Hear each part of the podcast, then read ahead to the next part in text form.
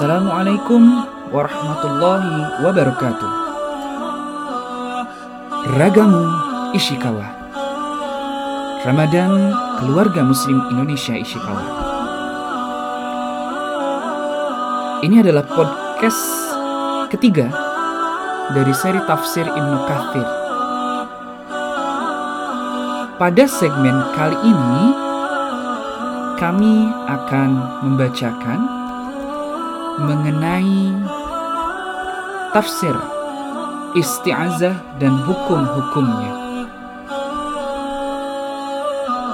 Allah berfirman dalam surat An-Nahl ayat 98 sampai 100 Apabila kamu membaca Al-Qur'an hendaklah kamu meminta perlindungan kepada Allah dari syaitan yang terkutuk. Sesungguhnya Syaitan itu tidak ada kekuasaannya atas orang-orang yang beriman dan bertawakal kepada Tuhannya. Sesungguhnya kekuasaannya syaitan hanyalah atas orang-orang yang mengambilnya jadi pemimpin dan atas orang-orang yang mempersekutukannya dengan Allah. Nah, yang mahsyur menurut jumhur ulama bahwa isti'azah dilakukan sebelum membaca Al-Quran guna mengusir godaan syaitan.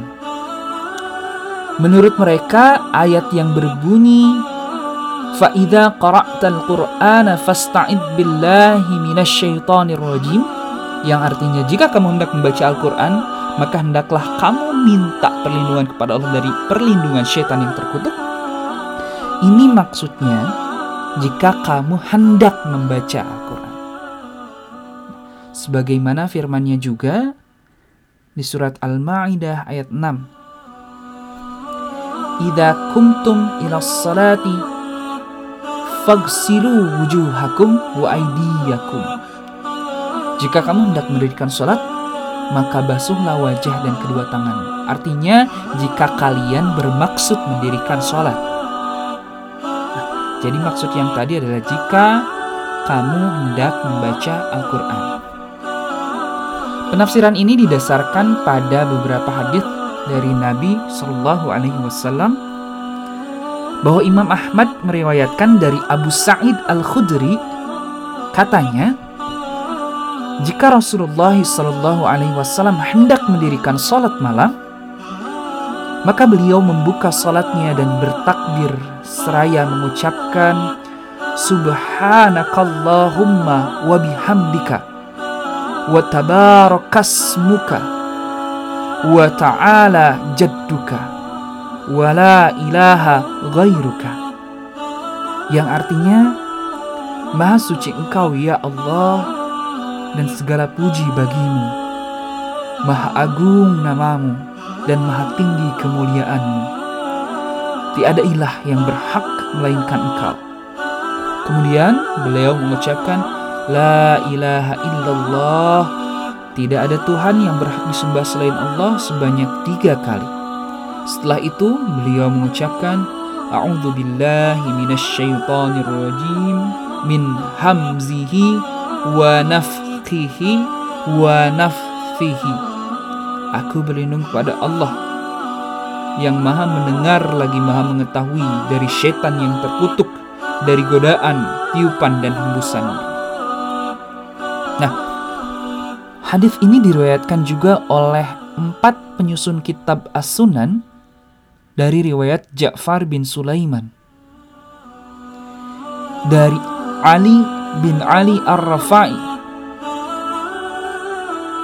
At-Tirmizi mengatakan bahwa hadis ini merupakan hadis yang paling masyur dalam masalah ini. Dan kata Al-Hams ditafsirkan sebagai cekikan sampai mati dan an-nafkh sebagai kesombongan dan an-nafth sebagai syair. Al-Bukhari meriwayatkan dari Sulaiman bin Surat ia berkata, ada dua orang yang saling mencela di hadapan Rasulullah Sallallahu Alaihi Wasallam, sedang kami duduk di hadapan beliau. Salah seorang dari keduanya mencela lainnya dalam keadaan marah dengan wajah yang merah padam. Maka Rasulullah Shallallahu Alaihi Wasallam bersabda, sesungguhnya aku akan mengajarkan suatu kalimat yang jika ia mengucapkan niscaya akan hilang semua yang ia rasakan itu. Jika ia mengucapkan.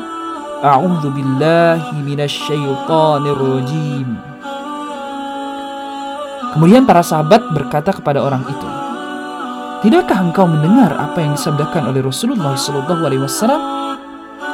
Orang itu menjawab, Sesungguhnya aku bukanlah orang yang tidak waras. Nah, hadis ini diriwayatkan oleh Imam Muslim, Imam Abu Daud, Imam An-Nasai melalui beberapa jalur sanad dari Al-A'masi. Ada beberapa catatan, ada tiga yang pertama, jumhur ulama berpendapat bahwa isti'azah itu sunnah hukumnya dan bukan merupakan suatu kewajiban. Sehingga tidak berdosa bagi orang yang meninggalkannya. Diriwayatkan dari Imam Malik bahwasanya ia tidak membaca taus dalam mengerjakan sholat wajib. Dalam kitab Al-Imla Imam Syafi'i mengatakan dianjurkan membaca ta'awuz dengan jahar. Tapi jika membaca dengan sir juga tidak apa-apa. Sedangkan dalam kitab An'um, beliau mengatakan diberi pilihan. Boleh membaca ta'awuz, boleh juga tidak. Dan jika orang yang memohon perlindungan itu membaca a'udzubillahi minasyaitonirrajim, maka cukuplah baginya. Dan pendapat yang ketiga, menurut Abu Hanifah dan Muhammad, Ta'awuz itu dibaca dalam salat untuk membaca Al-Quran. Sedangkan Abu Yusuf berpendapat bahwa ta'awuz itu justru dibaca untuk salat. Jadi ada tiga. Pertama sekali lagi, jemur ulama berpendapat bahwa isti'azah itu sunnah hukumnya dan bukan merupakan suatu kewajiban. Dan yang kedua, dalam kitab Al-Imla, Imam Asyafi mengatakan dianjurkan membaca ta'awuz dengan jahar. Tapi, jika membaca dengan sir juga tidak apa-apa. Kalau dalam kitab Al-Um diberi pilihan. Dan yang ketiga menurut Imam Abu Hanifah nah, ini dibaca dalam sholat untuk membaca Al-Quran. Nah, berdasarkan hal tersebut, maka seorang makmum hendaknya membaca ta'awus dalam sholat Aid. Dan menurut jumhur ulama, ta'awus itu dibaca setelah takbir sebelum membaca Al-Fatihah atau surat Al-Quran. Di antara manfaat ta'awus adalah untuk mensucikan, untuk mengharumkan mulut. Dari apa? Dari kata-kata yang tidak mengandung faidah dan buruk. Ta'awuz ini digunakan untuk membaca firman-firman Allah. Artinya, memohon pertolongan kepada Allah sekaligus memberikan pengakuan atas kekuasaan Allah. Atas kekuasaan Allah. Di samping juga kelemahan dirinya sebagai hamba dan ketidakberdayaannya dalam melawan musuh yang sesungguhnya yaitu syaitan yang bersifat batinia yang tak seorang pun mampu menolak dan mengusirnya kecuali Allah yang menciptakannya. Allah berfirman dalam surat Al-Isra ayat 65, "Inna ibadi laisa laka 'alaihim sultanu wa kafa bi rabbika wakila." Sungguhnya hamba-hambaku kamu tidak dapat berkuasa atas mereka. Dan cukuplah Allah, cukuplah Robmu sebagai penjaga. Dan para malaikat telah turun untuk memerangi musuh dari kalangan manusia. Barang siapa dibunuh oleh musuh yang bersifat lahiriah, yang berasal dari kalangan manusia, maka ia meninggal syahid. Barang siapa dibunuh oleh musuh yang bersifat batiniah, maka mati sebagai torid atau mati sebagai terusir.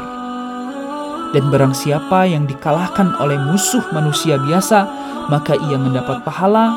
Dan barang siapa yang dikalahkan oleh musuh batin atau syaitan, maka ia tertipu atau menanggung dosa.